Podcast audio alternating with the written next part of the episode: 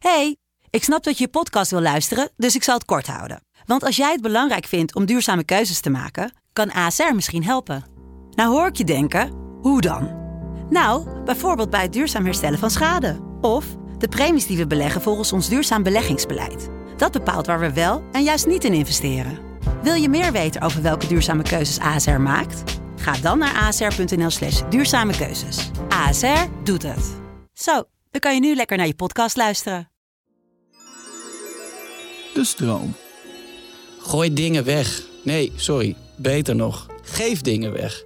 Kijk om je heen. Wat kan je kwijt? Waar kan je niet zonder? En waar zit hem dat in? Zoek het bij elkaar. En verbind met iemand die het kan gebruiken. Beter dan jij. Een goed boek wordt nog goeder als iemand anders het lezen kan.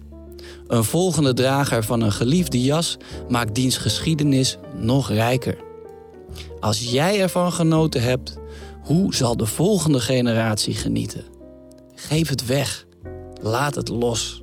En kijk wat je ervoor in de plaats krijgt. Je luisterde naar professionele tips voor een comfortabel leven. Ik hoop dat je wat aan deze tip hebt gehad. Dat je de boel even de boel hebt kunnen laten. Heb jij zin in nog meer fijne podcast? Luister dan eens naar Vader of de podcast Use and J New Emotions. Geniet. Liefs, Pepijn.